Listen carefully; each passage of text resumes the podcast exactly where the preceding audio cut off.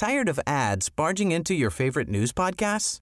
Good news. Ad-free listening is available on Amazon Music for all the music plus top podcasts included with your Prime membership. Stay up to date on everything newsworthy by downloading the Amazon Music app for free or go to amazon.com slash news ad free. That's amazon.com slash news ad free to catch up on the latest episodes without the ads. Say hello to a new era of mental health care. Cerebral is here to help you achieve your mental wellness goals with professional therapy and medication management support. 100% online. You'll experience the all new Cerebral Way, an innovative approach to mental wellness designed around you. You'll get a personalized treatment plan from a therapist, prescriber, or both in a safe and judgment free space. Your cerebral therapist or prescriber will outline a customized plan with clear milestones along the way so you can get to feeling your best. With Cerebral, you're not alone in your mental health journey. We're here to empower you to live a fulfilling life. So take that first step towards a brighter future and sign up today at cerebral.com slash podcast and use code ACAST to get 15% off your first month. Offer only valid on monthly plans. Other exclusions may apply. Offer ends July 31st, 2024. See site for details. Gjorde han mål igår igen? Yes, det gjorde han. Det är dåligt för Eriksen, Ja, det är bildbyråns eh, vad nu då? Riktigt jävla svettig nu alltså kan jag säga. För det, ja, han kunde gjort två till eh, så det hade kunnat vara klart igår nästan. Vad är han uppe på? Sju. Ja, ja. Tre kvar. Ja, tre kvar det kommer han ju lösa. Så länge han håller sig skadefri. Så inga dumheter nu.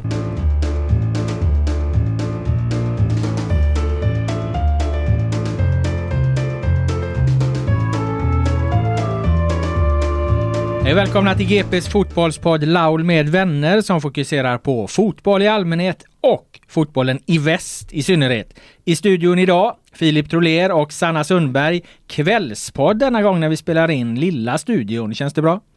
Det känns mycket bra. Jag är som starkast på kvällarna så eh, det här uppskattar jag.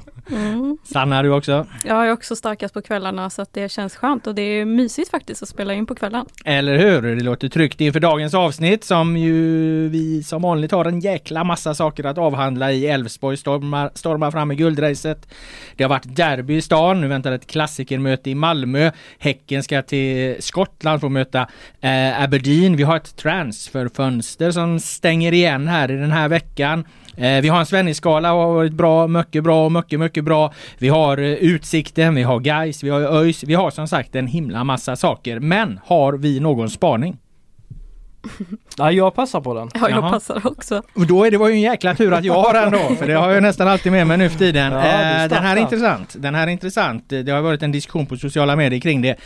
Sirius, Daniel Stensson, lagkapten, han satte sig ner vid ställningen 2-0 till Malmö FF när de eh, eh mötte eh, MFF i i studenterna där. Han låtsades eh, vara skadad, erkände han efteråt. Eh, för när han fick fråga i, i i tv-intervjun om han hade haft någon känning. Han hade satt sig ner så det blev ett avbrott. Så han nej, det var ingen känning. Det var taktiskt. Eh, för att Sirius då skulle kunna snacka ihop sig när de hade hamnat i det här underläget, lägga upp en ny strategi och så vidare.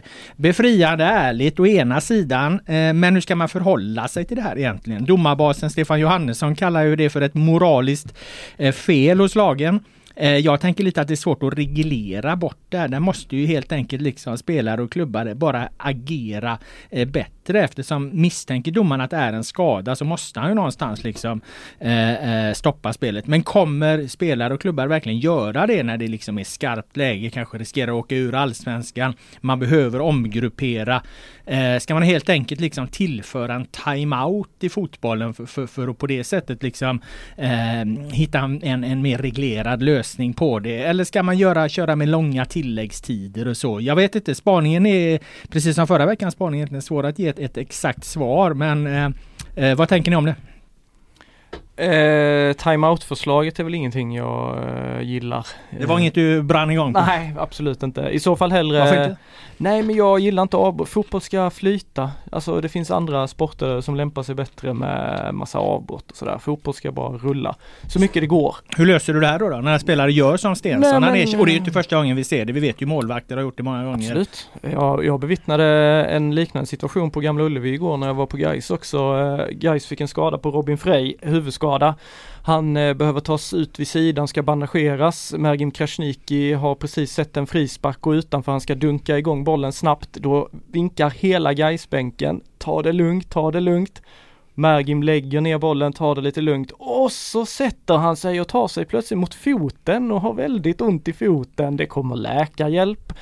Och sen lagom till att eh, Robin Frey är bandagerad, då studsar Mergim Krasniqi upp. Så jag tror att vi hade en liknande situation där. Det blir ingen diskussion om det efteråt? Ah, det var lite, det var några i där som påstod att ja men Mergim har haft problem med foten men jaha det var ju väldigt eh, lägligt att det dök upp just eh, där och då för sen kunde jag inte, kunde jag inte se att han hade några vidare problem. Nej. Men jag resonerar lite om det i mina fem punkter. Jag tycker kanske ändå att det är lite del av spelet i vissa lägen i alla fall. Du blir inte så upprörd? Jag blir faktiskt inte det. Alltså det handlar om att vara cynisk och tänja lite på gränserna. Sen så får du ju inte liksom balla ur. Hade man sett sånt här hela tiden men jag tycker ändå inte det är så ofta det sker.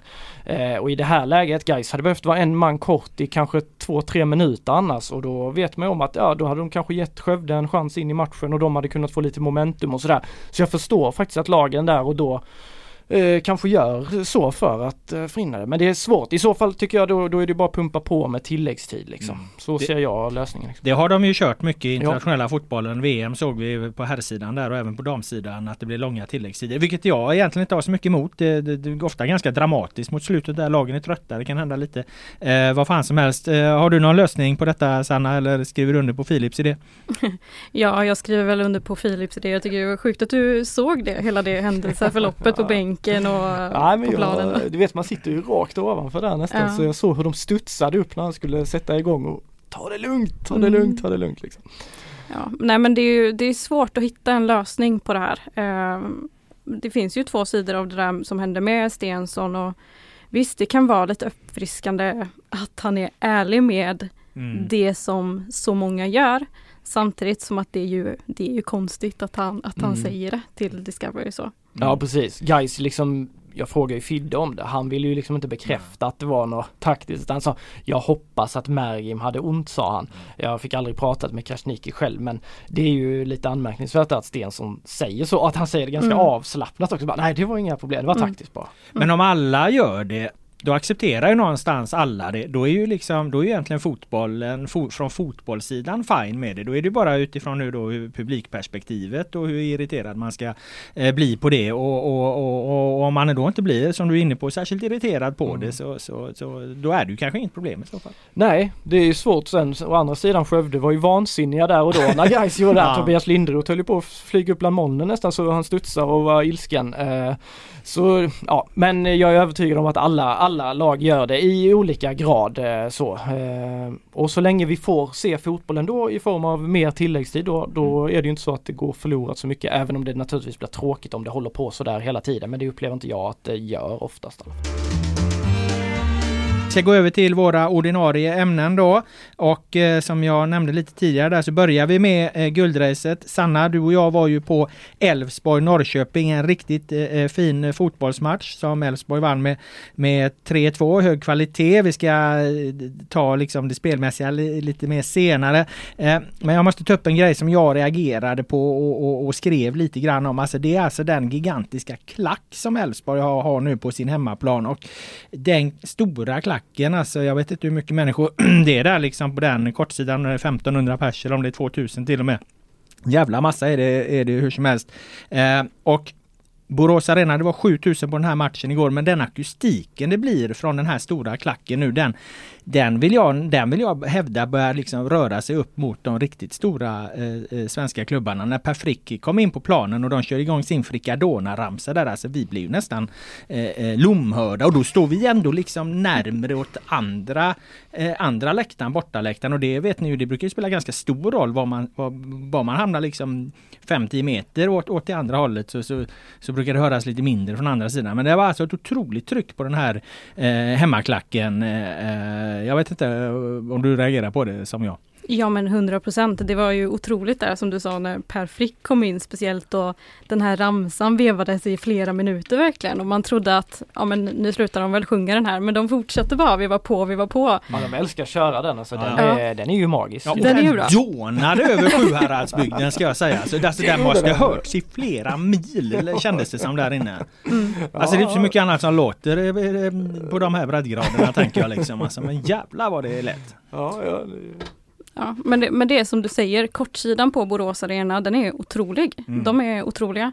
Det är ju lite glesare på resten av arenan men just kortsidan är otrolig och det är alltid fullsmockat där. Och jag tycker att det har varit det varje match nu. Du har Mm. också varit med en del så Mm. du har ju också sett det. Liksom, Ja, att, absolut. Men jag blev, jag blev eh, i, igår så, så slog i alla fall min inre decibelmätare i taket på ett sätt som den inte har gjort tidigare. Men jag tror också att det, jag tror det är bra akustik på Borås Arena. Jag är absolut ingen expert på det här, men den är ju inte liksom, det är ju inte Friends eh, och, och eh, det, det, alltså det var som sagt 7000 där. Det, det, det var ett jävla tryck ändå helt enkelt. Vad, vad tänker du Filip? Eh, jag håller med om att akustiken på Borås Arena, jag håller det som, sett ur akustik så håller jag det typ som Sveriges bästa arena. Jag tycker alltid, och jag gillar när det är stora bortaklackar också för då, då blir det ju ett jävla drag ännu mer.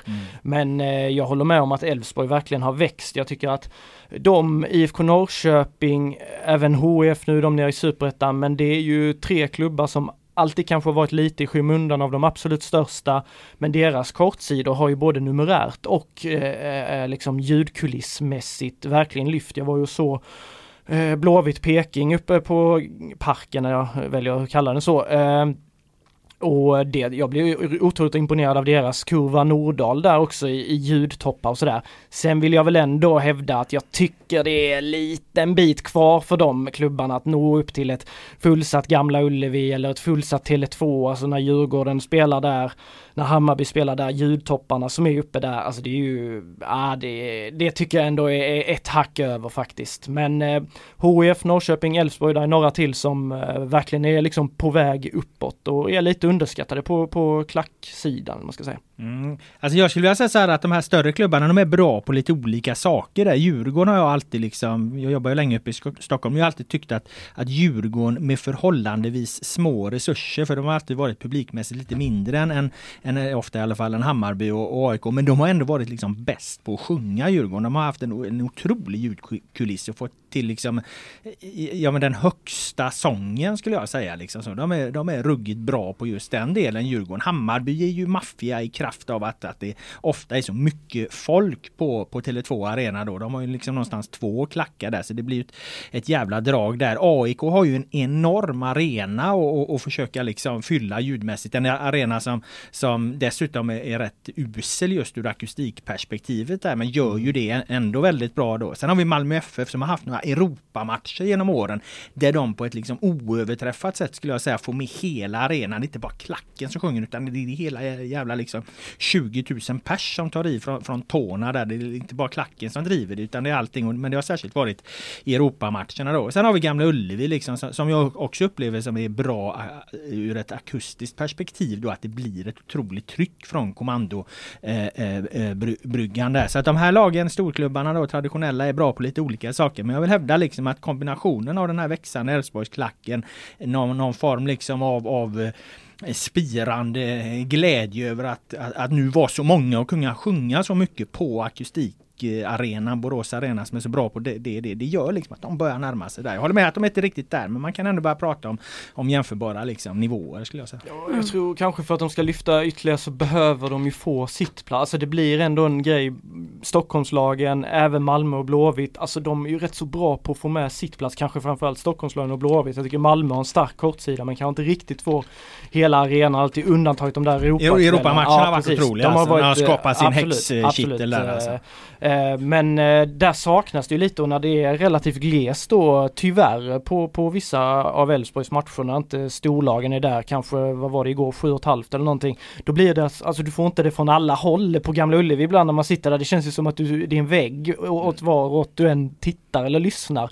Eh, och jag tycker Blåvitt faktiskt också, alltså de har blivit eh, Eh, när det gäller ihärdighet och liksom hålla i så tycker jag nog kanske att de, de och, och Hammarby kanske är de som maler mest. Liksom Djurgården har ju otroliga toppar och de har inte det här med trumma och så heller. Och, Gnaget skulle jag säga är ihåliga liksom. De, ja, de, de, de, ja, de, de kan vara det. Men de har ju sitt problem med liksom att fylla den här jävla ja, Friends. Ja, och alltså det är stor skillnad mot hur de var på Råsunda och hur det är på Friends nu. Och sen, sen har vi då Djurgården, HF, Guys har ju också, de kör ju ingen trumma. Då blir det också lite annorlunda, lite mer brittiskt inspirerat i grunden väl. Och, och det kan jag också gilla, att det blir liksom lågt och sen så bara exploderar det. Och Guys har ju lite samma problem som, ja men typ Elfsborg då liksom och, och ÖIS också lite så att man får ju inte det där riktiga trycket när man inte har en, en större publik på övriga arenan. Men det är en intressant diskussion. Jag tycker det är många lag i Sverige som faktiskt alltså är helt rätt riktning när det gäller liksom stödet eh, på, på läktarna. Men om vi tar i vårt eh, område i väst eh, så, så att råder det väl ingen tvekan då Sanna om att Blåvitt är nummer ett på det. Men sen är väl Elfsborg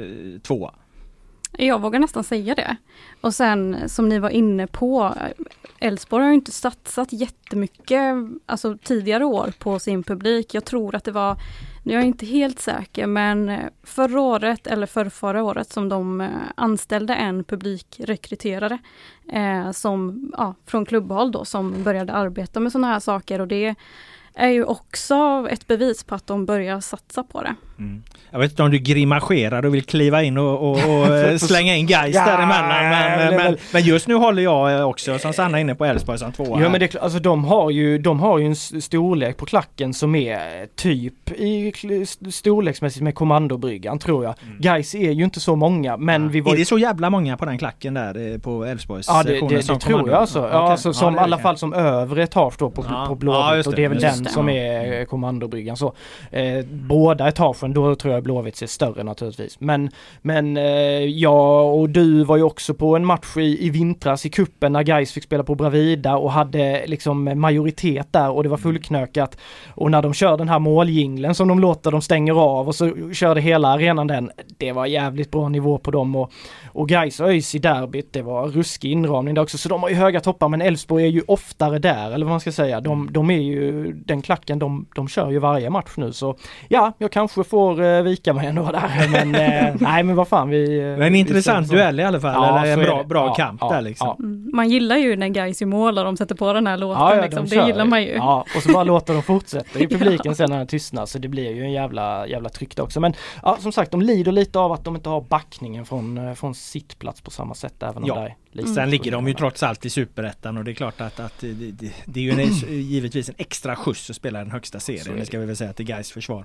Ehm, bra, vi lämnar det perspektivet där men vi ska ta matchen också. Den slutade som sagt 3-2 till Elfsborg där och efteråt på presskonferensen som vi var på Sanna så menar ju eh, Norrköpings tränare då Glenn Riddersholm. Han har ju för övrigt varit ute och berättat hur hela jävla allsvenskan ska sluta. Han tog väl bottenstriderna för några veckor sedan med att Blåvitt skulle klara sig men AIK skulle kvala eller fan vad han sa. Och, och nu var han ju inne, nu avgjorde han ju toppstriden här också att Malmö de är ostabila och Häcken de har liksom sålt för mycket spelare och i Europa så att det är Elfsborg är bäst och de vinner, vinner allsvenskan. Han, eh, han sparar inte på krutet. Det gör han inte. Jag vet inte om det är ett danskt drag eller vad det är han kommer med men det finns väl ingen som inte gillar att han är sån eller? Jag, jag tycker om det jättemycket i alla fall, att han vågar, att han vågar säga de sakerna han säger och han, han räds inte för det. Nej, det blir ju underbart för att jag menar det gav ju oss en vinkel och sen kunde vi, vi pipa ner till mixade zonen där. Du pratade med en hel hög spelare där i Elfsborg, vad, vad de håller de med nu när en tränare så tydligt pekar ut dem som att de kommer ta guldet och det var ju lite roligt för att det var ju liksom som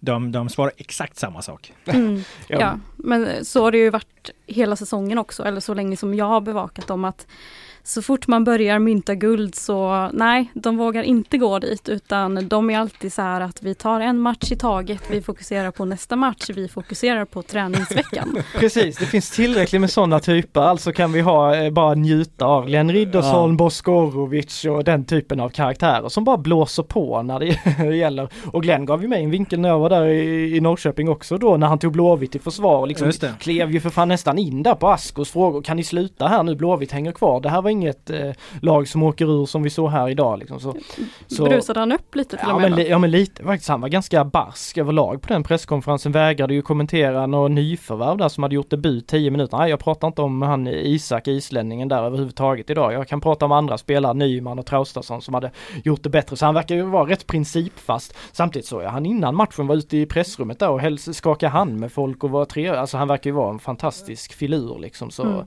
Sådana profiler mår allsvenskan bra av. Ja men finns det någon, apropå profiler då, finns det någon jävla profil i Elfsborg egentligen? Jag menar det var ju som, som alla de tre vi pratade, eller fyra eller hur många vi nu pratar med. De säger exakt samma grej. Eh, en match taget, eh, nästa match i 90 minuter, tuff match och sen inget mer liksom. Mm. Alltså det, det, Johan Larsson kan väl bryta det där ibland liksom. Och, men, men, men jag vet inte.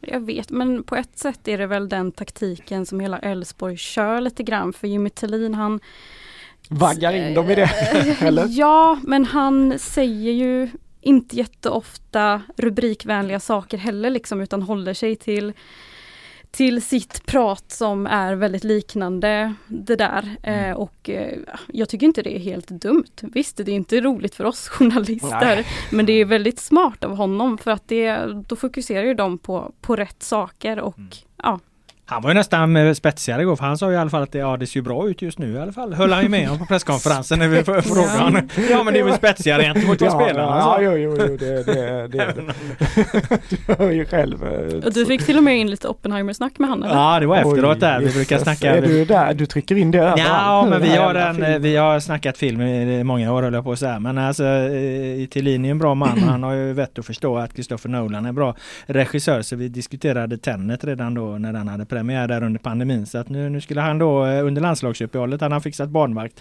eh, Thelin, skulle han gå och se Oppenheimer då. Så att det blir intressant att höra vad han eh, tycker om den. Det som också var roligt med Thelin var ju att han han eh, vid ett domslut, han reagerar ju aldrig på domslut. Men vid ett domslut när det var typ fem minuter kvar, det var liksom ändå lite smånervigt kanske, då reagerade han och slängde iväg någonting liksom. Och det var väldigt ovanligt. Så jag frågade någon gammal stöt där som har bevakat eh, Elfsborg eh, i, i, många år liksom om att eh, vad, vad, har det hänt tidigare att Thelin har reagerat mm. så? Ja det hade tydligen hänt en gång tidigare då liksom, fick jag reda på. Så jag tog upp det här med Thelin på presskonferensen och, och han tyckte väl, han menar på att han hade redan förträngt det här att han hade reagerat på domslut. Han tyckte mer att det var spänningen i matchen som hade, hade lett till det här. Men så frågade han då vad var det du kastade iväg? Ja men då höll han i alla fall med om att det var en tom vattenflaska så det var inte så farligt. Ja det märktes han var inte jättepigg på att prata om det eller svara på de frågorna.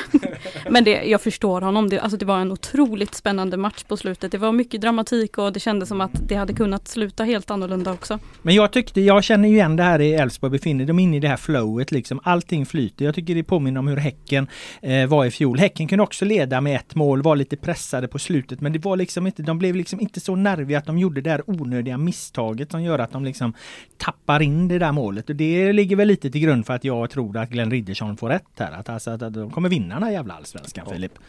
Ja, men det är väl exakt det där eh, som är att man håller istället för att tappa. Om vi då bara drar en parallell till eh, stackars ÖIS då som eh, hade 2-0 att gå på mot Östersund. Jätteviktig match. Poängen är nästan där kommer ett reduceringsmål och de blir ju så nervösa så att de naturligtvis tappar då segern. Där är ju skillnad mellan topp och botten. Det känns ofta som att det är exakt den där brytpunkten. Att topplagen de löser de där grejerna allt som oftast. Bottenlagen de failar allt som oftast. Och eh, jag såg bara höjdpunkterna eftersom jag var på, på Gais men det var ju, verkar verkligen ha varit otroligt händelserikt med en jäkla massa chanser åt båda håll. Norrköping hade ju några sjuka chanser också eh, tidigare i matchen sådär så mm, ja, jag förstår att ni... Men då har ju Elfsborg då förmodligen vad jag tycker är allsvenskans bästa målvakt där. Ja. de, har, de har ju nick liksom från eh, eh, Lind var det väl va? Mm, eh, ja, det... På, på Tröstadssons inlägg och den är, han nickar ju helt rätt ner i marken hårt liksom.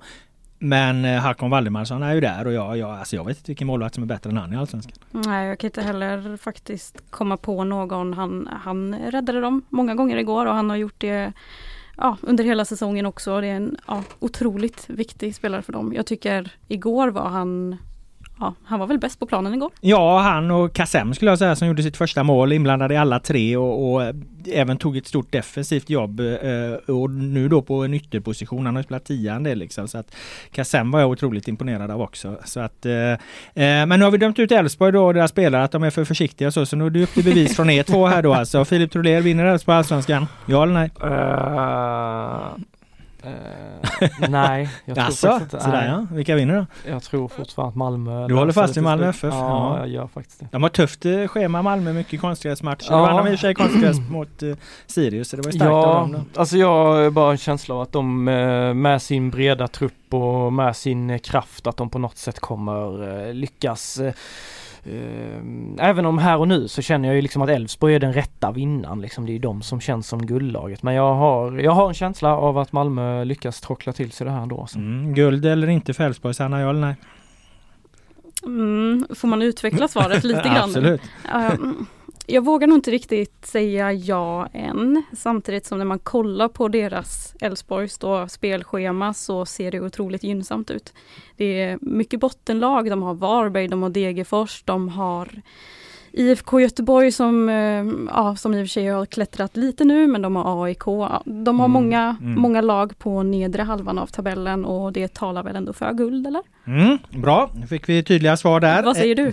Ja, jag har ju... eh, Han har gjort sin ja, guldprognos. Ja, jag har ju länge sagt att de kommer vinna så att det är väl ingen katt var någon hemlighet för någon som eh, lyssnar här att jag tror att Elfsborg vinner eller? Okej då. Ja, Nej, fan, kan- det skrev jag i krönikan så eh, sent som i, i, i, Ja. igår kväll liksom att jag har en stark känsla av att Elfsborg kommer vinna. Jag sa ju för fan det till dig när vi satt på eh, läktaren igår Sanna ju att eh, jag fick ju en sån här en, en inre syn liksom att eh, där jag kände igen det här flowet från Häcken i fjol att Det var mycket De kom- inre grejer på det igår. Ja, alltså jag var, så jag, himla- jag, vad fan var, jag, var, där? jag var, var, var i ett andligt mode igår där liksom. Pressviken som lyfte upp dig så pass. Otroligt ja. Våfflor, morotskaka, gifflar, fan hela jävla kostcirkeln. Du, jag, Alltså, fick en, jag fick en slice kebabpizza efter Blåvitt. Va? Du ja men det var ju inte på pressfika. Nej, men, Det var ju deras jävla pizza som de alltid äter efteråt. ja, men då, Modé försökte kasta in det under pressfikat där nästan lite grann så. Menar du att du snodde spelarnas pizza? Korrekt, jag tog det. När jag satt kvar och kämpade så låg det en sleten, nej sleten, en fin slice som eh, jag blev, som jag blev erbjuden. Nej, var, nej det var mumma, jag ska inte säga sleten men du vet en pizza som ligger där lite kall och så man tänker ja det här. Men det, jag tog den och det var magiskt. Mhm. Kall pizza går alltid ner. Eh, det var en bra övergång. Vi ska gå över till IFK Göteborg just. Vi har ju haft ett eh, eh, derby i stan som sagt. Det är det du refer- refererar till där Filip. IFK Göteborg, BK Häcken. Eh, 4-2 till Blåvitt i, i det här derbyt. Och jag måste fråga, ni får väl rätta mig om jag har fel här då nu när vi har pratat stora klackar och allt sånt där. Alltså, det här är väl utan tvekan stans största derby, vår regions största match. Hur man än mäter numera eh, sportsligt och publikt av lag som kan mötas, eller? Eh, ja, då inkluderar vi inte cup, cupmöjligheter utan vi snackar serie. seriespel tänker jag på i första hand. Eh, ja, jo men det, då är det ju Ja, om vi ska väga in alla ingredienser. Nu var det fullsatt här och, och Häcken har växt och hade fyllt eh, bortasektionen och Blåvitt säljer slut hela tiden känns det som. Och, och de är i Allsvenskan båda två så nej, så sett får vi ju ta det. Sen har vi ju haft den där diskussionen om rivalitet och sånt där tidigare och där vidhåller jag ju alltid att det är Blåvitt Gais som är det hetaste. Men eh, tar vi in alla de eh, aspekterna så ja, nej då är det väl Blåvitt Häcken. Ja, hur mycket drog, eh, hur mycket drog Gais ÖIS i, eh, i 13 Ja, 200 eller någonting. Det Ja. var nästan 15 000 sålda då. Men det kom bara 13 och 2 eller någonting. Men eh, det är ju en bra siffra i Superettan. Visst är det det? Det är väl årets bästa i Superettan tror jag. Mm. Men eh, det är ju lite bakom eh, 17 och 8 va? Det var. Mm, ja det var nästan 18 000. Ja. Men jag tycker också lite så känslomässigt. Det har ju varit lite så här om att, att eh, IFK Göteborg i vissa supporterkretsar så vill man inte riktigt erkänna att det här är ett derby. Jag vet inte om, om klubben officiellt eh, fortfarande inte kallar det här för ett derby. Men jag menar det är ju idag ett derby. Alltså det är ju otrolig satsning på tifo, IFK Göteborgs tifo. Det, där har de verkligen satsat Ja, i, till den här matchen och Mm. det har de även gjort i, i den här guldmatchen i, i, i vintras då. Så att eh, eh, jag vet inte om, om, om Blåvitt numera kallar det för ett derby eller inte. Ett tag gjorde de ju inte det liksom. Men det får de ju, tycker jag, sluta med nu. För att jag menar nu är ju det här en stor jävla match liksom. Mm. På alla sätt. Jag tycker ändå man börjar se lite derbyhets på Twitter och i sådana flöden. Eller jag gjorde det i alla fall. Gjorde inte ni det inför Jo, derbyt? jo men det har blivit mer och det tycker jag väl senaste eh, åren, alltså Häckensupportrarna de har ju kaxat till sig lite nu. Vad fan de är Verkligen. mästare liksom och Ja. Europa och de Då skallar man vara ja, lite kaxig. Jo men absolut, jag säger inget om det. Men det, det blir ju, öppnar ju också upp för sköna diskussioner och mycket hets och sådär och så länge det är på en bra nivå så är det ju bara positivt. Jag eh, alltid liksom bara allt som kan bygga intresset för fotbollen i den här stan det, det är bara bra liksom så varför ska man ta ner det här, eh, ta ner den här matchen, bygga upp den här matchen istället. Det blir intressantare för IFK Göteborg också om man om man liksom ändå försöker, sen ska det kännas äkta men det måste det ju ändå kännas någonstans nu i och med att Häcken Ja. har den positionen de har. Men det var den lilla, det var den känslan jag ändå snappade upp någonstans. Att Ja. det känns liksom som det Ja men det finns kändes, liksom, alltså ja. jag tyckte det kändes som ett derby också när, när du var där för jag har varit på derby när Blåvitt har mött Häcken inför liksom 12 000 på Gamla Ullevi och Häcken har haft liksom en liten del av bortasektionen. Då har det mer känts som bara jaha, här kommer något bortalag liksom. Det har inte varit derby-vibe överhuvudtaget. Nu, nu är det ju det och, och det känns som att Blåvitt-supportrarna som du säger med tifon och sådana saker att man ändå tar det på lite mer allvar och, och spela och sådär. De Ja, ja. nämner ju det som derby liksom men det är väl klubben, det, det kan jag faktiskt inte minnas hur de har marknadsfört och sånt där men Ja, nej för mig är det såklart ett derby liksom på riktigt och det ska vi bara hypa. Ja, och, och jag li- liksom ett startskott blir ju just det här att, att, att Häcken då lyckades vinna guld på deras arena. Jag menar den matchen blir ju ändå någon form av liksom historisk symbol att, att när de tog sitt första guld så vann de det på Gamla Ullevi. Det är klart som, och det, det såg jag ju att många liksom supportrar refererar tillbaka till efter den här matchen i, i, nu i helgen då liksom att det här var någon form av upprättelse då när de fick eh, slå tillbaka och då har man ju ändå erkänt det där som liksom ett, ett jävla sår liksom som, mm. som man försöker sätta på ett plåster. Även om jag inte riktigt tycker att man kan säga att bara för att Blåvitt nu vann det här enskilda mötet så är inte det liksom någon, någon, någon hundraprocentig revansch för det liksom. Det är inte, det är inte på den nivån liksom. Utan det där, det där, där har Blåvitt ett större jobb att göra för att liksom ta tillbaka makten i stan så att säga. Ja men självklart är det så. Det är väl mer bara enskilda matchen som ger en känsla av att nu tog vi ändå tillbaka kanske lite heder från, från den utskåpningen som var. Men det är klart att det är skillnad för Häcken komma dit och vinna ett SM-guld däremot hur det är för Blåvitt att vinna. I och för sig en väldigt viktig match men att bara vinna en match liksom. Men jag tror det har gjort gott för Häcken Blåvitt rivaliteten om man ska se något positivt med att Gais och ÖIS har varit borta från allsvenskan under en lång tid. Alltså alla eh, fotbollssupportrar suktar efter att ha någon liksom rival i staden så där tänker jag i alla fall i större städer. Och Gais har ju varit borta, då har det ju bara funnits Häcken och när Häcken nu har kommit upp på en nivå som gör att de känns som ett riktigt derbymotstånd för Blåvitt då, då får vi ju den matchen mer intressant samtidigt som ÖIS och Gais deras rivalitet i Superettan efter, efter att ha tampat så många år där, den har ju också byggts upp för tidigare. Det har varit mycket så här ÖIS mot Blåvitt, Gais mot Blåvitt och så har Häcken varit iskallt liksom mot Blåvitt och ÖIS Gais har varit lite sådär halv svalt. Men nu känns det som att alla de här rivalitetsmötena, så den dagen de två kommer tillbaka då kommer det ju koka i, i, i den här stan. Mm, jag har sett att det har ju bör, redan börjat hetsats lite om eh, Gais ÖIS matchen. Ja, det, de är ju pigga där alltså. De är otroligt pigga. Ja. Men den är inte så jävla långt borta eller? En månad är den då, ja. lite mindre, tre veckor. Ja just det, det är ju landslagsuppehåll ja, däremellan också. Och så. där har jag faktiskt sett mest från Gais håll så att ja, de, är de är lite piggare där, lite hetsigare där. Ja, de kan ju vara lite kaxigare nu också mm. än, vad ÖIS, ÖIS kan vara för tillfället. Men det har varit riktigt skön eh, hets där. Gais tror jag har sålt slut på 70% av sina tilldelade biljetter redan och, och sådär. Så det, det indikerar ju någonting för några år sedan då kunde det vara 4000 biljetter sålda två, tre dagar innan match. Så det har förändrats på något sätt där i alla fall. Mm. Eh, själva matchen då, eller derbyt då, eh, 4-2 som sagt IFK Göteborg där. Eh, jag tycker inte riktigt att det då speglar matchen egentligen. Jag skulle säga att det var mer av en 3-3 match eller en kanske 2-2 match någonstans. Eh, eh Häckenbomma Häcken bommar straff, har nick i stolpen där liksom. Blåvitt är kusligt effektiva. Sett över 90 minuter så, så, så, så, så någonstans liksom så, så kunde det här lika gärna eh, slutat oavgjort egentligen. Även om det känslomässigt blev det ju att det var en total överkörning eftersom IFK Göteborg går upp till, till, till, till 4-0 där när, när Marcus Berg gör det målet i början av, eh, eh, av andra halvlek. Jag vet inte vad du har för syn på, på matchen sen. Ja, jag var ju inte där, ni två var ju där, men jag har kollat på den i efterhand och ja, otroligt spännande match också. Precis som du säger så började ju Häcken med en eh, otroligt farlig chans att vara nära att eh, göra det första målet och om de hade gjort det så hade det ju kunnat bli helt annorlunda sen också för vi alla vet ju hur viktigt det första målet är. Ja absolut, det, hade, det är klart den Ristic sitter den nicken då, då hade det kunnat bli ett Häcken som hade kanske kunnat klara av att kontrollera hem det här. Men jag tycker ändå när man stänger den här matchen då tycker jag att IFK Göteborg vinner välförtjänt. Jag tycker de är mer konkreta i straffområdet som Samuel Gustafsson också var inne på. Alltså i de avgörande lägena så var Blåvitt skarpare, hetare, mer konkreta och när de liksom blåser på och får den här euforin eh, från hemmapubliken och målen bara trillar in.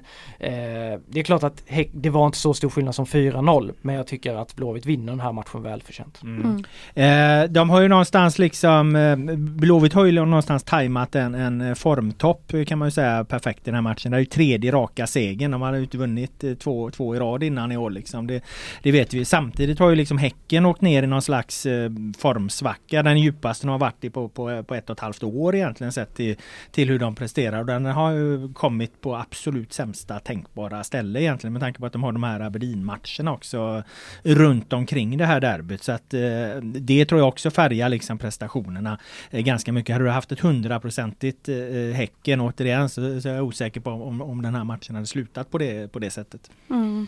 Ja, är det inte lite, lite märkligt att eh, Högmo inte roterar lite mer än vad Jo, han gör? Eller? han använder sin bänk lite dåligt kan jag tycka alltså. Eh, Kanske inte just nu men innan vägen hit. Tycker Mm. jag han har använt den. den Alltså det tveksamt. blir ju bra effekt på när han gör de här fyra bytena på ett bräde. Då får han ju effekt. Då märker man det är ju piggare ben. Sen slår Blåvitt av på takten och det blir Såklart. liksom tacksamt läge. Så det är väl lätt att sitta och liksom vara efterklok. Men jag kan ju hålla med dig Sanna där liksom att eh, kanske två spelare hade man kanske bytt från. För nu var det väl exakt samma elva eller var det någon eh, han hade korrigerat jämfört med Aberdeen-matchen? Du får Var hjälpa det- mig där Robban. Nej det var, det var Det precis var nog eh, samma, va? exakt samma elva. Vi Ja, trodde, man var ju försöker- lite inne på att Hammar då inte skulle spela på grund av att han var i avstängd och att de skulle Mm. spela in Tebo istället som mittback. Men, men, men eh, han körde ut exakt samma elva och jag tycker att alltså, vi är ju så otroligt vana när vi ser IFK Göteborg på Gamla Ullevi att du vet de öser på den här första kvarten och så Mm. mattas de och så får de inget med sig så kan de få lite problem. Den här matchstarten var de ju lite mer avvaktande, Ja. låg extremt rätt i, i positionerna, lät Häcken ha rätt mycket boll ute på ytterbackarna de inte kom någonstans och så fort bollen kommer in då till Samuel Gustafsson och Micke Rygaard då ligger Blåvitt samlat eh, med, med tremanna mittfält som ju kör över det här eh, som kallas allsvenskans bästa mittfält. Alltså Blåvitt med ny islänningen med, med, med Kåhed och, och med Carlén. Det är otroligt imponerande att de vinner den matchen i matchen, kampen om mittens rike. Men de gör ju mycket för att de ligger så rätt och det var, verkar ju- Häcken hade ju liksom inget, de var konfunderade där liksom. Ja, nej alltså tittar du namn för namn så ska det ju inte kunna hända liksom att, att det mittfältet käkar upp Häckens mittfält för det är faktiskt vad de, vad de gör i, i, emellanåt. Carlén gör en jättematch, jag tycker Tordarsson också, han fick jättemycket skit efter Degerfors där första halvleken. Eh, han hade lite misstag med bollen och sådär men han var ju stark i duellspelet, vinner någon boll precis innan ett av målen och sådär så. Och sen får man ju credda Asko också som jag tycker, eh, han, förtjänar fan lite, lite klapp på axlarna här nu alltså för det är ganska många coachdrag som jag tycker har, har suttit rätt så fint liksom. Han har ju, eh, om det var på grund av bänkningen eller inte men eh, Marcus Berg har ju liksom vaknat upp och blivit Ja, en gammal, den gamla Marcus Berg, han är ju helt otrolig. Han är involverad på ett eller annat sätt i alla fyra målen i den här matchen. Liksom. Mm. Det tog ett halvår, sen Ja, kom han ja, igång. men, Eller eh, lite drygt. Ja men skillnaden är att jag tycker att innan när han bara ma- malde på och fick starta och fick starta det var ju att när han kom in mot Djurgården så var han ju, han var ju ilsken. Och det, ja men det är ju, han har ju burit med sig det ju. Och liksom nu, nu ger Nu ser han sig ut som 27 igen som Ja, Asko ja, men, ja, och Asko han har börjat bju- bjuda på lite goa citat och sånt. Så, nej, jag, Han är också dansk, han kan ju bli en ny. Ridderstjärna. Ja, exakt, vi hoppas på det. Ja. Ja men det, det märkte man ju i mixade zonen med Marcus Berg att han, han var inte nöjd över att bli bänkad i de där Nej. matcherna och det är väl inte så konstigt om han kände lite jävlar anamma sen när han fick chansen igen. Det känns ju helt naturligt. Ja. Ja, det, är- det är ju alltså de här fotbollsspelarna som blir bäst liksom. De är ju någon, de har ju någon psykopatiskt sinne liksom. Alltså han har ju varit på så otroligt hög nivå. Marcus Berg, då kan man ju tycka att okej, då kommer han hem liksom. Han borde väl inte bry sig om han blir bänkad ett par matcher. Men så blir han bänkad och så blir han som du är inne på helt asförbannad. Det, vis, det är ju därför han kom så jävla långt i sin fotbollskarriär. För han är liksom, de är dumma i huvudet någonstans. Om du Mm. fattar vad jag menar. Ja, ja och, och det är ju det som någonstans visar att han är fortfarande med. Alltså han, det, det är ju därför han ska fortsätta då spela fortfarande. Eh, hade han inte blivit förbannad nu då hade det ju visat att ah, du skulle ha lagt av efter förra säsongen. Men han vill ju fortfarande mycket, han brinner fortfarande mycket och, och, och därför så är det ju bara positivt. Och sen måste man ju också Asko att fokus på mycket fart för det är ju det de har saknat under hela säsongen. Nu Santos Mukolli, alltså de springer ju som djur eh, match efter match och bara pumpar på med de här löpningarna. Gång på gång så får man se hur, hur viktigt det är med den där farten. Elfsborg har ju visat det hela året liksom att så mycket bygger på fart i, i eh, dagens moderna fotboll. Liksom. Jag minns när han blev klar som tränare så tryckte han på det att han vill ha en fotboll med mer intensitet liksom. Mm. Och det är ju jävligt lätt att säga och jag tror inte att han hade lyckats få det med den befintliga spelartruppen. Nej. Men han har fått göra ett par liksom nyckelrekryteringar och, och då klarar de att spela med den intensiteten. Inte bara framåt som du är inne på, utan även i försvaret Mm. liksom. Och det är därför de har kört med Norlin i vissa matcher och då satt Berg på bänken. För ibland så måste de ju trycka i pressspelet på ett helt annat sätt. Det klarar ju inte Berg. Nu i den här matchen så gjorde han jävligt smart med Berg när han tog ner han lite och lät han styra istället. Och så Mm. de andra löpa sig in i helvete. Det följer ju jävligt bra ut mot, mot Häcken. Så de har ju också skapat sig en, liksom en taktisk flexibilitet som, som alla lag egentligen måste ha eftersom det går ju liksom inte bara att spela ett kort varenda jävla gång. Liksom. För då, då, då, då går man ju på pumpen till slut.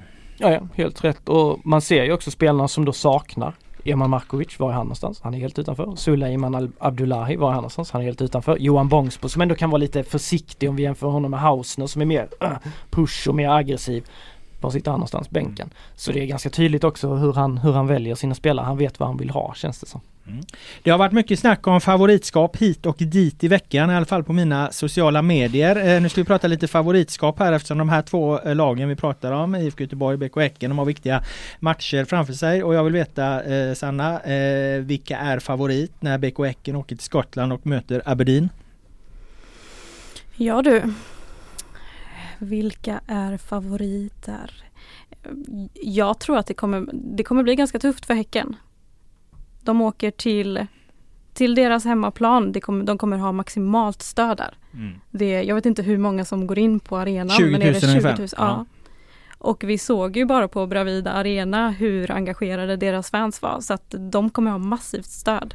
Det kommer definitivt ha match på gräs dessutom. Ja. Eh, eh häcken var en amerikansk då som sagt. Vad, vad säger du, vilka är, är, är favorit? Eh, häcken eller Aberdeen? Uh, jag tycker att Aberdeen är favoriter. Ja. Uh, de har 2-2 härifrån, alltså nu är det deras hemmaplan och som ni säger, du nämner konstgräset, du nämner hemmastödet, 20 000 galna skottar. uh, ett Häcken som liksom ändå är lite färska när det kommer till Europa och även om de har varit ute nu här några omgångar den här sommaren så är de ändå lite, ja, och lite slitna, många spelare har försvunnit, Traoré, Sadik, oklart som fasen, vad händer med honom?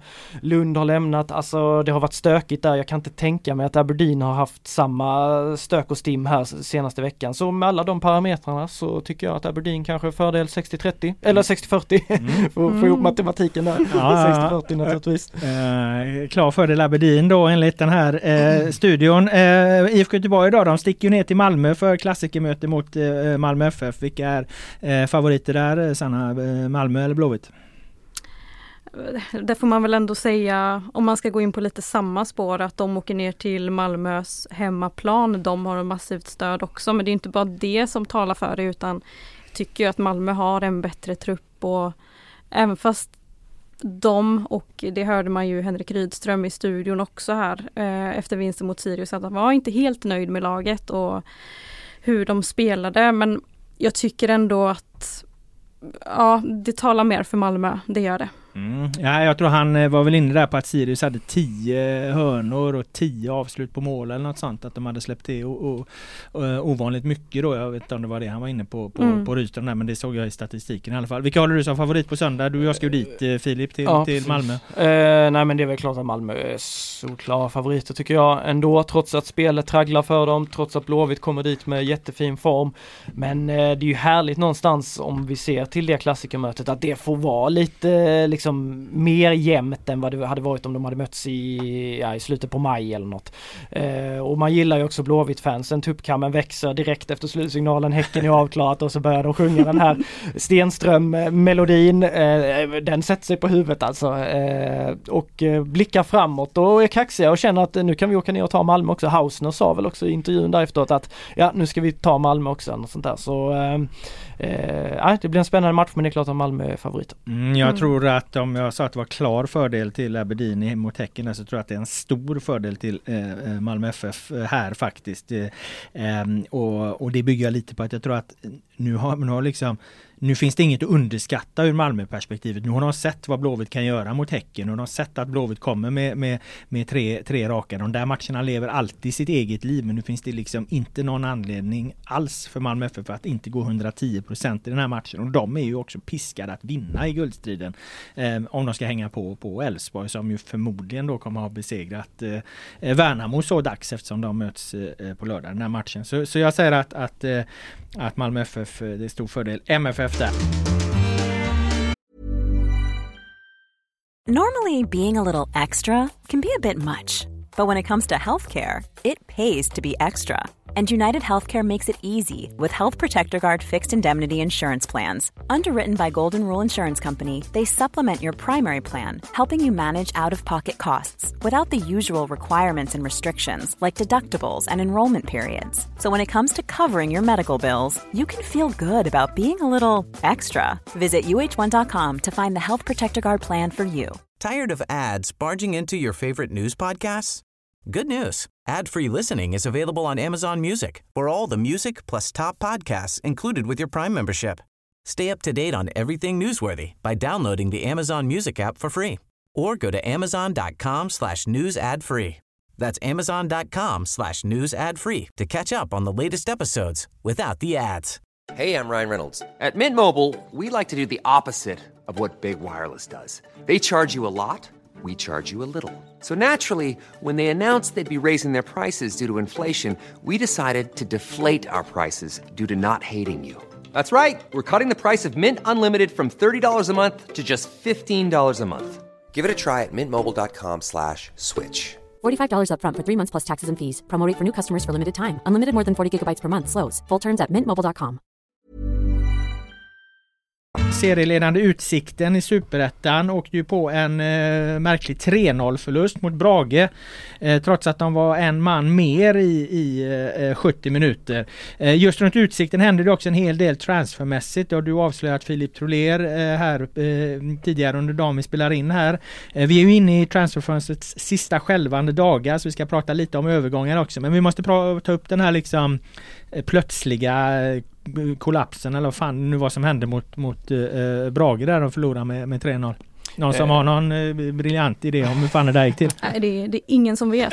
Nej, det är ingen som vet. Alla undrar. Alla undrar. Det kändes eh, det kändes bara sjukt faktiskt. Eh, absolut att superettan, det, det, är inget lag som på förhand har slagit något annat, men Brage har ju varit klappkassa den här eh, sommaren. Och Utsikten har, alltså den insatsen de gör mot Västerås, förvisso med en man mer, den insatsen de gör innan det mot Landskrona, så det har ju varit de har ju visat där och då att de har förtjänat att vara bäst i superettan hittills. Och att de åker upp där och får spela en man mer och bara är, de är så otroligt jävla dåliga. Eh, passiva, visst de har lite bollinnehav men Brage bara kontrar ju sönder dem och släppa in tre mål med en man mer, alltså det, det ska inte kunna hända. Eh, jag hörde någonstans att de hade, de hade vunnit om det var 25% av duellerna i matchen. Eh, det indikerar ändå någonting, brukar vara ganska jämnt ofta i matcher liksom, men i duellspel att... Ja fan de som är ju är liksom, fan det här det är ju deras gamla brittiskt ja, ja, jävla rövarband från 80-talet liksom. Liksom. Ja, bara kör och har ju varit så tuffa i närkamper då är det ju något som eh, helt har failat när det gäller matchförberedande planen eller någonting. Eh, man kan ju inte låta bli att tänka liksom att eh, okej, okay, har de blivit eh, lite liksom tillbakalutade, lite bekväma, tappat ödmjukheten eh, och har de gjort det, då gäller det för Bosko och gänget att få tillbaka det snabbast möjligt för om Utsikten inte har den ödmjukheten, det är ju det, är ju det och det hårda arbetet de måste ha, för annars är de ju ett lag som inte alls eh, sticker ut utan har de den grejen påkopplad, då är de ett topplag. Har de inte den grejen påkopplad, nej då kan de förlora mot vilket lag som helst i Superettan bevisligen. Mm, men det, det, var faktiskt lite det som Bosko var inne på i studion efter matchen att uh, hans känsla var att spelarna tror att de är lite bättre än vad de är. Ja. Och det är ju lite samma som du är inne på. Men, men köper vi det resonemanget då? Att ska det ha hänt under de här senaste dagarna då, att det har kickat in i spelarna att de tror att nu är vi, nu är vi så himla bra och då faller alltihop. Alltså jag, jag tänker lite så här, eh, utan att spekulera om något annat, så tänker jag att eh, i, i, Stockholm, uppe i Stockholm, där finns en gyllene derbyregel. Det är laget som vinner ett derby, eh, de förlorar sin nästa match och det är laget som förlorar ett derby, de vinner sin nästa match. Det, det, det, liksom, det slår nästan aldrig fel att det är sån jävla urladdning med derby och vinner man då det är svårt att få tillbaka den liksom kraften. Man är nöjd, man har gjort supportrarna nöjda och så vidare. Men däremot förlorar du ett derby, ja då, alltså då som Stockholmslag, då måste du vinna nästa match liksom för att få direkt liksom eh, få, få, få liv i verksamheten igen. Och jag menar de kommer från en seriefinal den var ganska upphåsad liksom. Det enda jag, för det är ju matchen innan mot mm. Västerås. De mm. vinner den med 4-0. Det var antagligen en otrolig urladdning eh, eh för dem. Eh, eh, så, så det är väl det jag kan tänka om. Sen då liksom prestationen som du var inne på där Filip, dippar så mycket just på det där med intensitet och tacklingar och allt det. Det, det, det går det väl att se kanske någon sån Eh, koppling där. Men eh, jag följer dem lite för dåligt ändå för att kunna dra den slutsatsen. Men det, det är mm. vad jag kan tro. Ja, och nu blir det ju då intressant eh, med hur de hanterar den här smällen. För det var länge, de har förlorat förvisso mot Västerås, men det var Västerås borta, uddamålsförlust en match där de förtjänade mer. Undantaget den så är väl deras senaste förlust typ Ja det är ju Gais i våras eller någonting. De har ju bara förlorat tre matcher på hela säsongen tror jag. Så det blir väldigt intressant att se nu. Nu har de Östersund hemma nästa innan uppehållet. Hur, vad händer då? Skulle de åka på en smäll till där? Mm, då kan det börja bli eh, liksom lite nervigt och det är ganska många nya spelare in här under sommaren och sådär och kan börja spreta lite så eh, det, det är faktiskt otroligt stort ansvar på Bosko nu alltså och han med de känslorna han har. Alltså han, han, han, Han måste, har ju bara ett läge, han ja, skäller ju ja, bara. ja, ja, men ja, ja om vi ska vara elaka, nej men det är klart att han, han ger väl dem mycket kärlek också men det är ju den hårda tränare man ser och, och det står han ju för att han är också. Men nu gäller det ju för honom att liksom hel, hela tiden väga, väga vad han ska göra och hur han ska ta sig an eh, fortsättningen för hamnar de i någon slags dålig trend, eh, Gais och Öster kommer flåsande bakifrån, eh, Västerås ligger där så ingenting är ju, ingenting är ju klart även fall det typ har känts lite så nu efter att de vann mot VSK. Jag trodde du skulle säga att Bosko nu måste väga sina ord på guldvåg. Men det har han nog aldrig någonsin gjort. Det har han aldrig gjort, det kommer han aldrig göra. Är det nu utsikten rasar Sanna? Nej, det tror jag inte.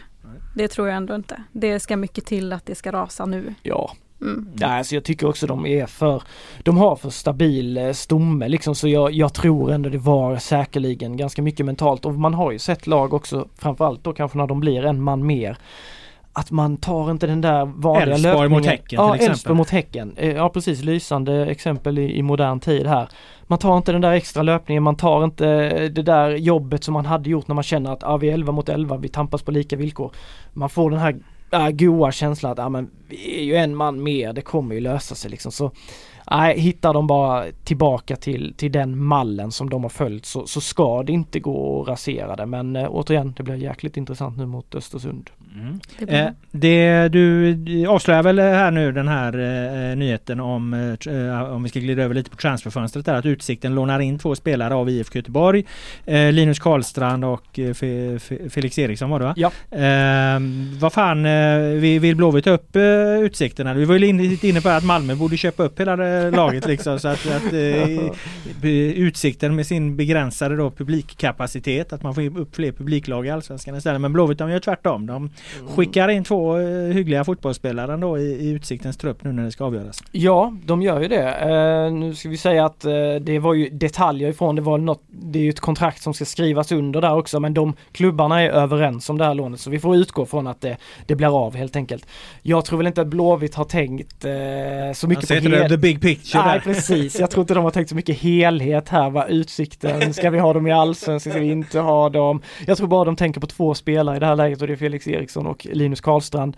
Eh, de ser ju att i och med Mukollis intåg, Thomas Santos intåg, eh, Selmanis intåg, då flyttas ju de här unga killarnas plats i hierarkin längre ner och Felix har inte fått spela mycket alls. Det är väl någon ströminut här och där. Karlstrand har gjort sina starter, eh, ofta då som ytter. Eh, de ser en chans, Utsikten har redan lånat in Alai Gassem som förvisso då är skadad men de har ju byggt upp, det är ju ett sånt här samarbetsavtal så Mm. Karlstrand och Eriksson kan ju gå tillbaka till Blåvitt här och röra sig mellan klubbarna. Eh, och Blåvitt ser väl kanske Utsikten som en, en, en bra möjlighet att få igång sina spelare där, man har dem på nära håll och jag vet inte om de har ett eh, gott samarbete också.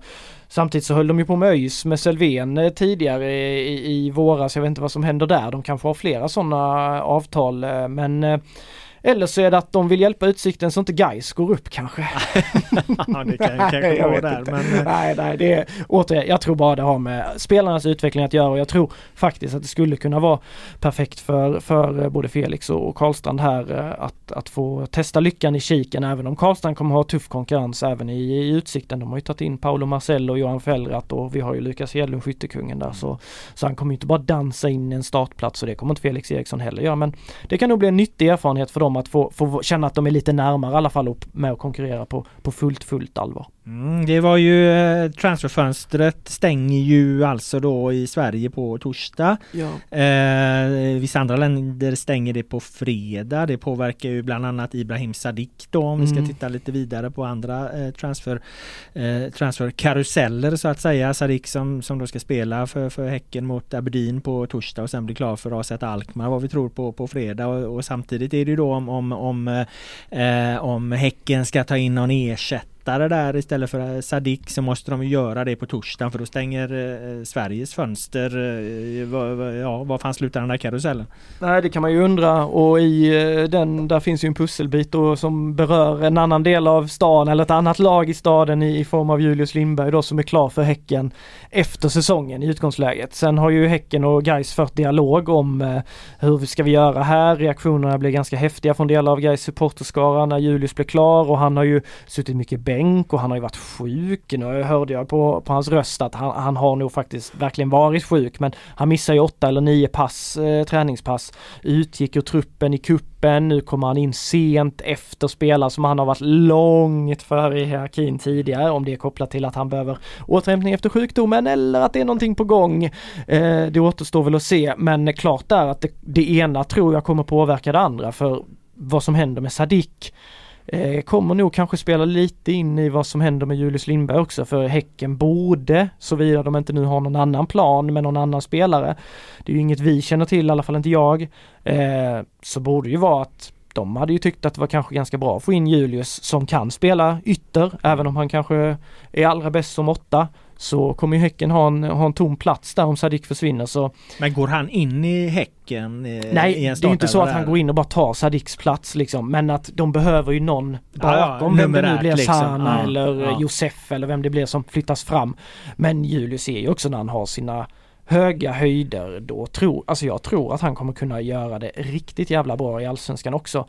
Men han är ju nu under sommaren har ju inte sett märkvärdig ut för guys men man kan ju tänka sig att det varit mycket tankar för honom. Han har fått spela nia. Det är ju inte hans favoritposition. Det har ju varit lite kritiskt till varför Fidde har inte använt honom som åtta när han har varit så bra där men guys har många duktiga innermittfältare och sådär så. Det är en jävla nivå tror jag för att komma in i det här ja, häcken. Jag har sett också, han liksom. Eh, Ola Kamara till exempel som ändå har varit på en ja. hög nivå. Jag menar han hinner ju inte ta emot en passning liksom när, när det smäller nej, till med häcken där. Alltså. Nej det är klart att han kommer behöva acklimatisera sig Julius Julius. Men på sikt så tror jag att han kommer kunna göra det bra. Jag tror Häcken hade tyckt att det var bra att få in honom numerärt där. Men det är ju som sagt en förhandling. Gais har ju velat ha pengar för att släppa honom. Ganska mycket pengar vad vi har hört.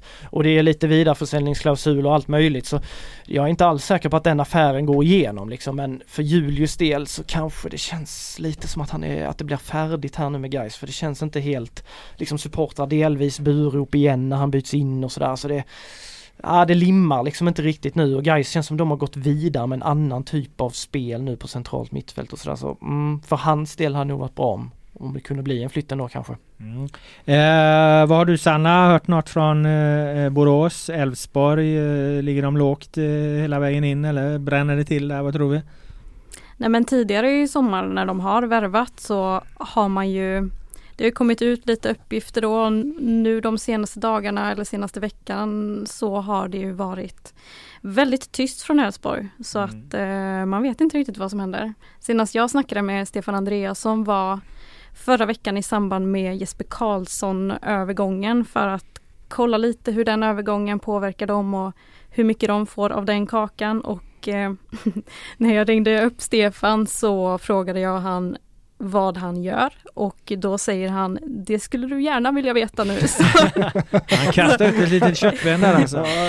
det, känns, det känns otroligt typiskt Stefan Andreasson och sen när man fortsätter att försöka luska i det så stänger han ju den dörren. Mm -hmm. Men han är ju ganska öppen med att det är många spelare som har intresse på sig och det är väl inte så konstigt när det är många som har gjort det bra. Mm. Nej, nej precis. Alltså, Deras målvakt där som jag var inne på tidigare alltså han är fan, han är bara 21 år vet du. Nu, nu, ja, nu, nu, talang. Ja, otrolig mm. talang alltså. Jag tror Sportbladet skrev idag om att det var eh, klubbar som ryckte där. Sen vet inte jag om det är så mm. jävla aktuellt liksom. Men det, jag skulle inte förvåna om det finns större klubbar som vill ha han i målet alltså. För det, det är en bra jävla målvakt. Ja, men fan ska de verkligen, alltså han, en målvakt vill man ju inte bara titta utsikten Nej. förra sommaren hur de rasade när de skiftade keeper mm. mitt i det är ju nästan den positionen som absolut inte... Allt har ett pris vet du. Jo, jo, så är det. Bosko säljer Lukas Hedlund för 20 miljoner utgående kontrakt i Superettan. Jag vet inte vad Elfsborg ska ha för Hakon Valdimarsson. Nej, jag vet inte vad en målvakt har gått Nej, för mest här nej, liksom. det alltså, fan. Dahlberg kanske? Kan ja, jag var uppe på där, eller? 40 miljoner någonstans Ja. nästan, var 35-40 Dahlberg Mm. va?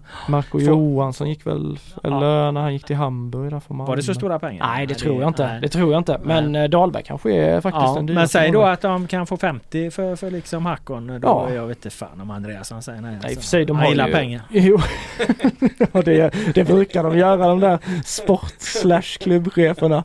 Eh, men ja, Rönning är ju bakom också. Han har ju tidigare bevisat sig på allsvensk nivå men han har väl haft det lite kämpigt eh, de senaste åren sådär så.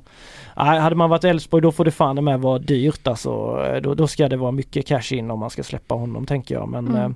eh, det blir spännande. Sen Guys har vi också där, eh, om ni inte har något mer på Elfsborg så de jagar ju, de har ju bekräftat liksom att det ska ju in spelare. Jag tolkar det som en eller två och nu är det inte så mycket tid kvar att vifta på.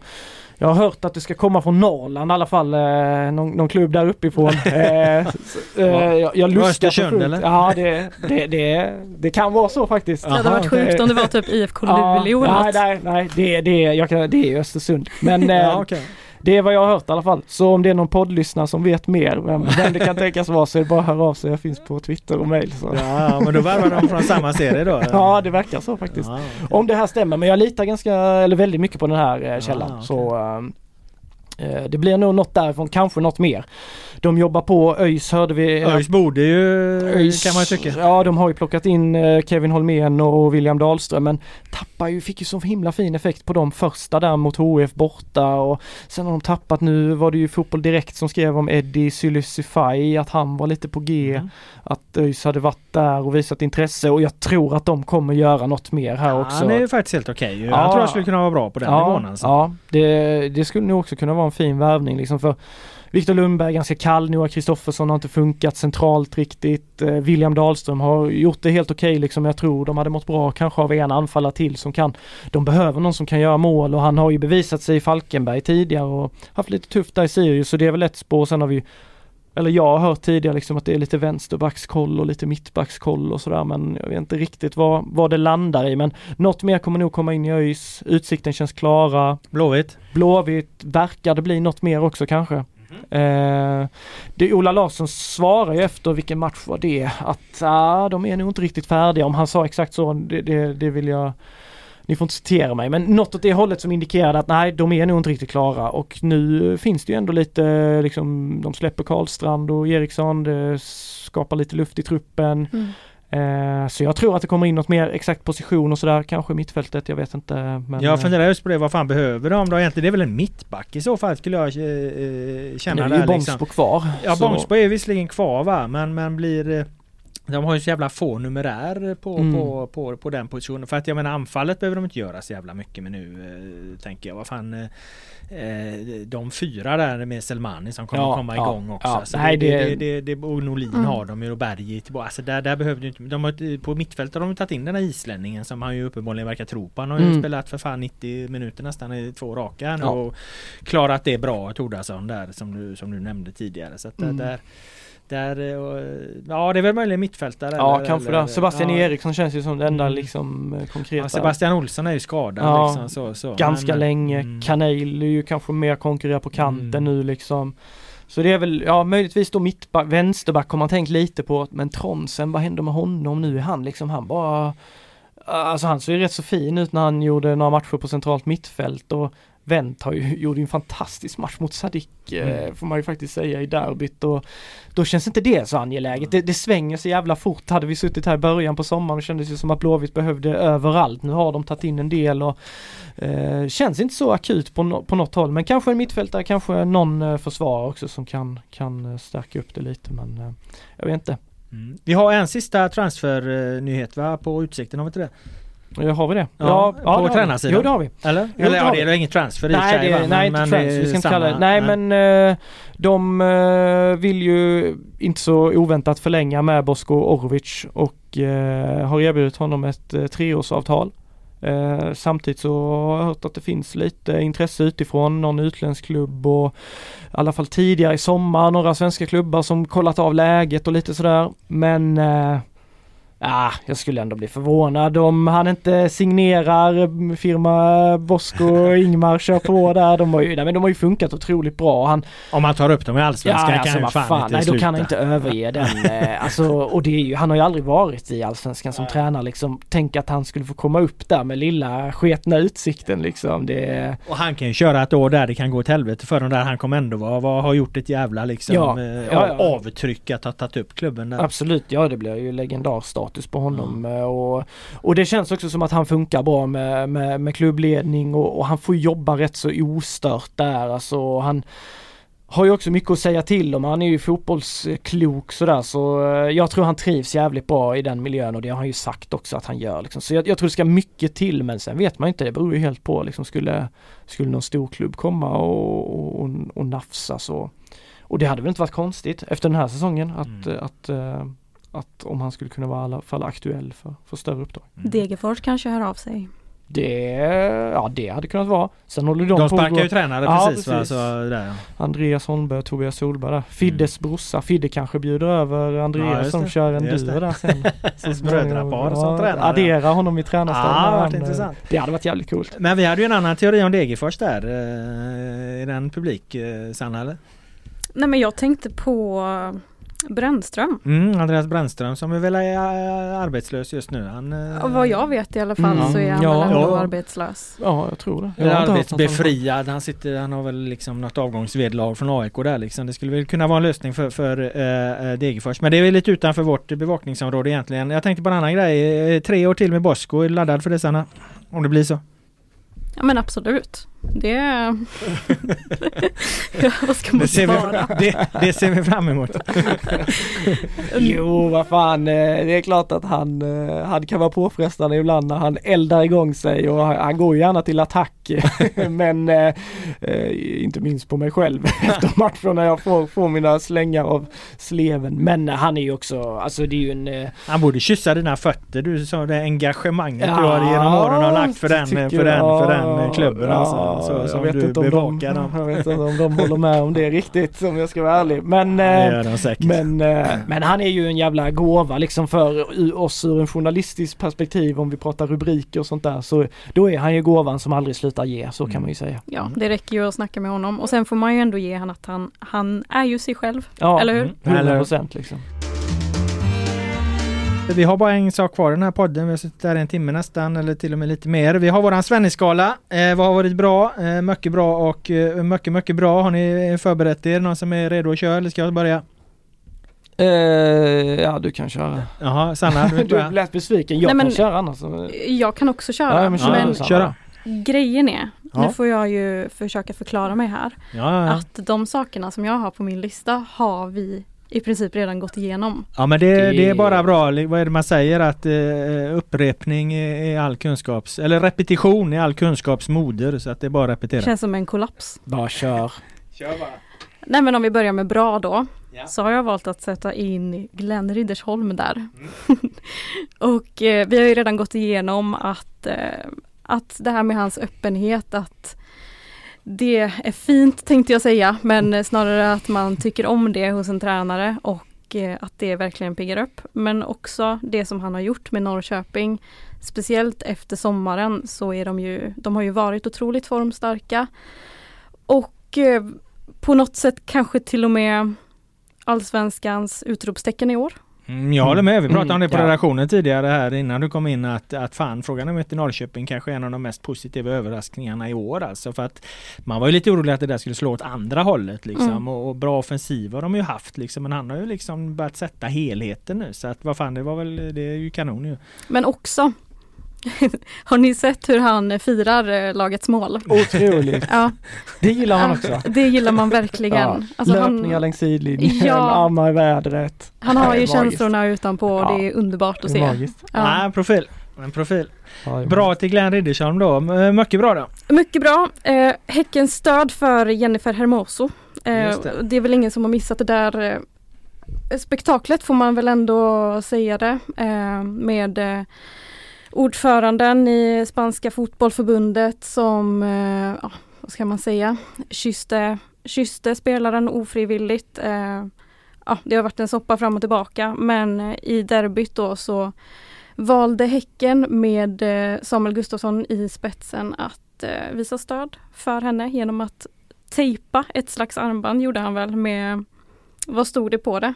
Det uh, vad fan, med dig Jenny, ja, med fast Jenny, på spanska ja, på spanska ja. ja. Jag tror att eh, Häckens damer hade rengepat, eh, ren, genrepat dagen innan och haft något liknande och så, så mm. tog han det då så hela klubben, eh, hela Häcken eh, slöt ju upp i det, i det stödet i Hermosa. Mm. Ja men jag tycker det är otroligt bra och eh, viktigt att de gör det. Ja, Otrolig soppa har det där blivit alltså som mm. ju fan på hela fotbollsvärlden håller för fan på att rämna kring det där med liksom att dra sig ur Uefa och hans mamma hungerstrejkar ja, ja. alltså det går för fan ett, det är för fan en bok snart där. Ja det börjar närma sig det men det är, ja, nej det är en eh, stor skandal hela allt liksom eh, och det är väldigt eh, bara stämma in i det Sanna säger, väldigt bra. Jag gillar när klubbar när de kliver fram så och tar och markerar. De behöver inte göra det men de väljer att göra det. Mm. Och eh, sånt men det är få applådera. elitklubbar, allsvenska klubbar som har gjort det. Det är väl egentligen bara Häcken eller har du sett, mm. några, sett några fler allsvenska klubbar som har gjort det? Jag såg faktiskt något lag på Twitter men jag tror att det kan ha varit i kanske damallsvenskan. Mm, ja men det har det varit några stycken men jag tänker mm. på här sidan här, de stora klubbarna har ju valt att, eller har ännu inte gjort det, det kanske kommer liksom. Den lär ju snurra vidare den här historien. Det jag, jag. jag håller med, mycket bra, eh, mycket mycket bra. Eh, det är också en sak som vi redan har gått igenom då och det är Elfsborgs kommande spelschema mm. som talar för guld får jag ändå säga. Även fast jag inte vågar riktigt till 100% outa det så talar det ändå för guld om man jämför med andra topplag. Det gör det absolut. Jag satte mig och gjorde den eh, sammanställningen här för några veckor sedan och vi publicerade mm. den. Jag pratade om den i förra podden också. Jag menar det är jävligt svårt att räkna på ett annat sätt liksom. Sen hävdar ju Filip Trolé då att Malmö FF kommer vinna den här allsvenskan i alla fall. Men när man ser spelschemat där så håller jag helt med dig Sanna. Alltså det är fan svårt och svårt att spekulera om något mm. annat. Den håller fortfarande den uträkningen som du gjorde eller? ja alltså den håller väl ända till det, det är över liksom. Eh, då vi ser vad de får för poäng. Sen mm. om eh, matcherna går exakt sagt, det är inte lika noga tycker jag. Mm. Eh, bra, eh, då var det dina, din Svenningsskala Filip. Ja, vill du köra eller? Ja jag kan köra. Jag kan, nej men jag, jag, kan köra. Jag hade ja. egentligen tänkt hylla den här hypen inför originalderbyt då som du berörde lite Sanna där med guys. Mm. Eh, att de har sålt så jävla bra så tidigt. Men vi skiter i det. Jag tar istället, eftersom vi inte har pratat någonting om ÖIS eh, så här egentligen då.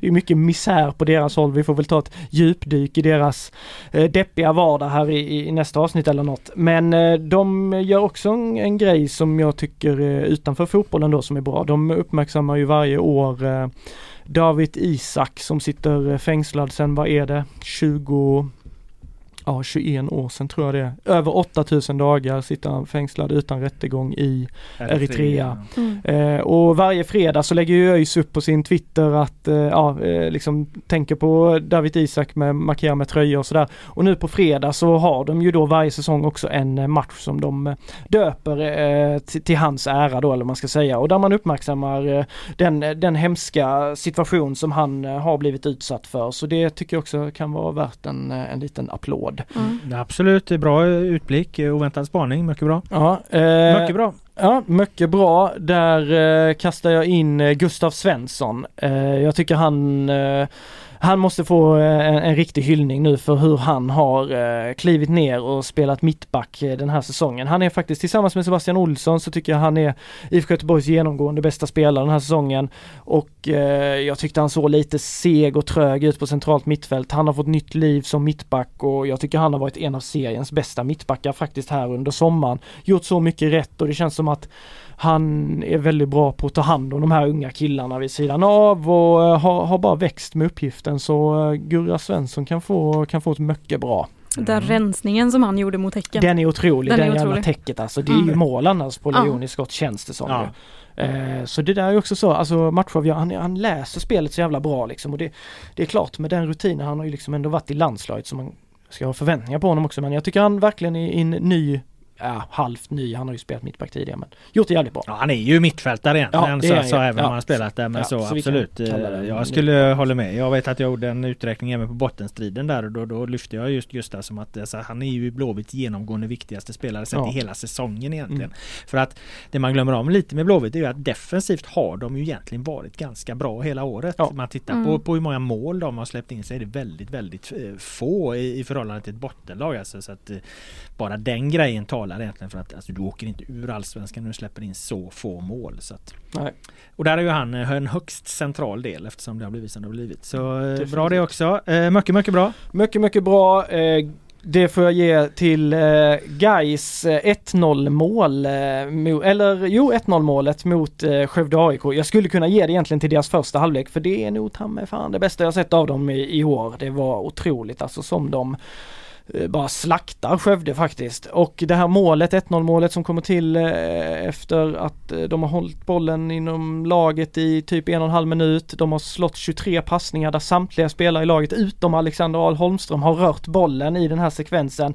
Den går fram till Gustav Lundgren som då lägger en så jäkla elegant klack till Axel Henriksson som dunkar in den i, i, i första hörnet med en snygg ytterskruv där. Det var en eh, riktig delikatess det målet och eh, Det låter som årets mål i Superettan. Ja men alltså när det kommer till anfall, jag håller, Erion Sadiku gjorde ett sjukt långskott för ÖIS i någon vårmatch här. Det, det, jag är svag för de där projektilerna alltså. Men det här anfallet det var fan med fotbollsgodis. Vad sa Guy Speaker? Fotbollspoesi tror jag han ropade ut. Sa han det i högtalaren? jag tror faktiskt det. Eh, Otroligt. ja det är Rolle, eh, Rolle där han kör på. Eh, så, så det var, men det var, det var verkligen godis. Och sen gör de också ett 3-0 mål som faktiskt är in, inte så långt ifrån eh, lika snyggt. Så två fantastiska mål men framförallt 1-0 målet och hela insatsen första halvlek. Det där var det där borde konkurrenterna eh, känna lite där kring eh, att se guys prestera på det sättet.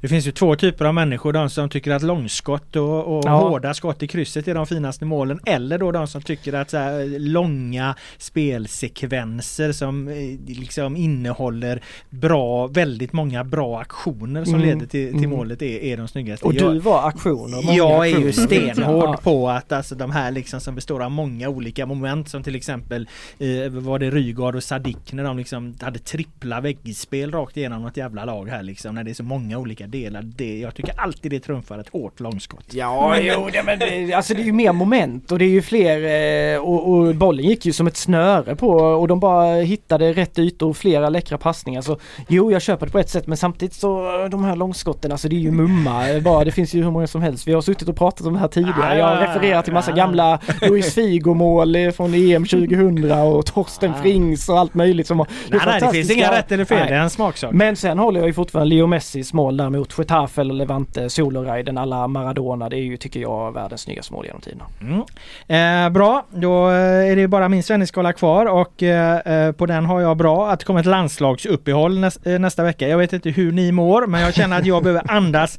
lite för att klara av den här hösten som vi har pratat många eh, gånger om. Eh, för att hantera den helt enkelt så behöver vi stämpla ut en vecka så att det, det är lite oklart om det blir någon, någon podd nästa vecka. Vi får, vi får se där det pågår förhandlingar med, med producenterna och, och så här. Men jag kommer i alla fall eh, lämna bygget och befinna mig på hemlig ort en vecka nu när det ändå inte är några eh, matcher i Allsvenskan att bevaka. Så att det där landslagsuppehållet det känns bra. Är det Vart sol, Det du? kommer. balkong, Marbella, Nej jag Sola? ska, jag ska fan ingenstans alltså. Du Jag ska sa bara- hemlig ort ju. Ja, jo, jo, okej nu avslöjar jag mig då men jag ska, ingen, jag ska bara gömma mig hemma på min balkong. Ja, det lät bra det där och träna och inte göra några, många knop alls. Eh, så att det blir lugnt och skönt. Eh, mycket bra måste jag säga. Eh, eh, André Baldursson har vi inte tagit upp här. Alltså att, och att, att, att Elfsborg igen eh, få, det uppstår ett hål i deras trupp när André Römer försvinner. Eh, Tillin Andreasson, de som eh, löser, sköter, sköter den här businessen liksom.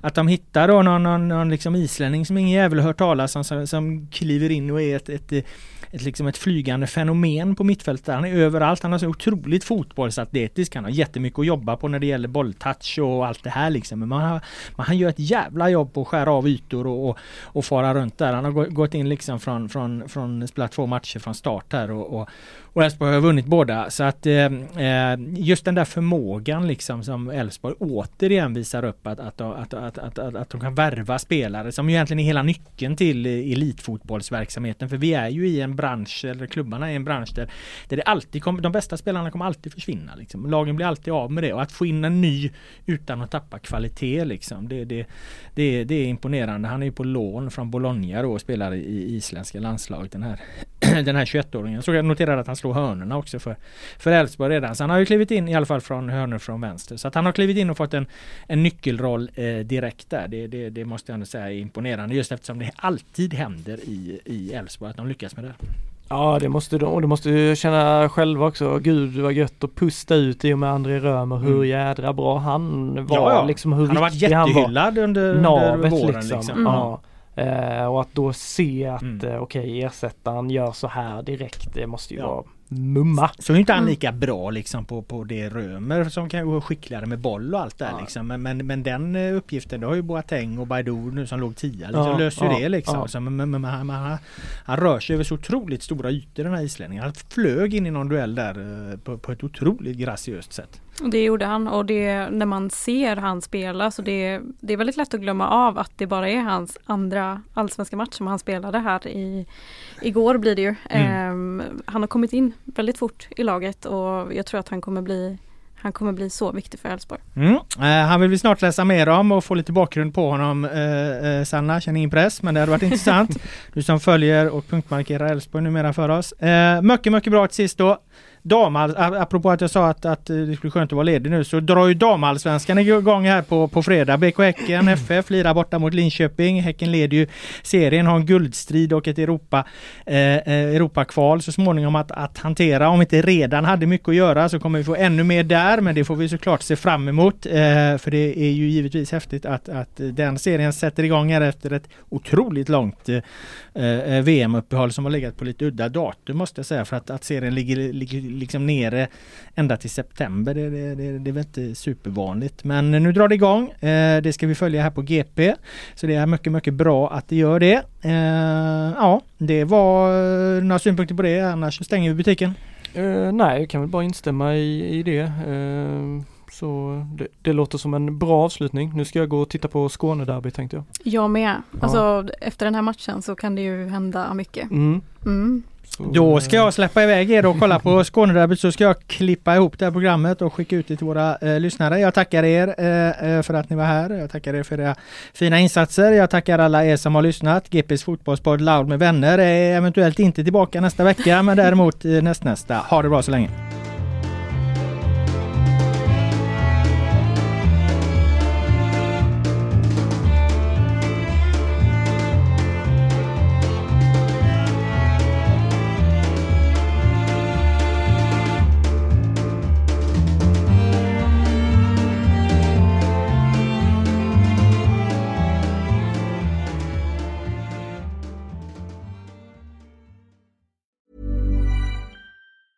Tired of ads barging into your favorite news podcasts? Good news. Ad-free listening is available on Amazon Music for all the music plus top podcasts included with your Prime membership. Stay up to date on everything newsworthy by downloading the Amazon Music app for free or go to amazon.com slash news ad free. That's amazon.com slash news ad free to catch up on the latest episodes without the ads.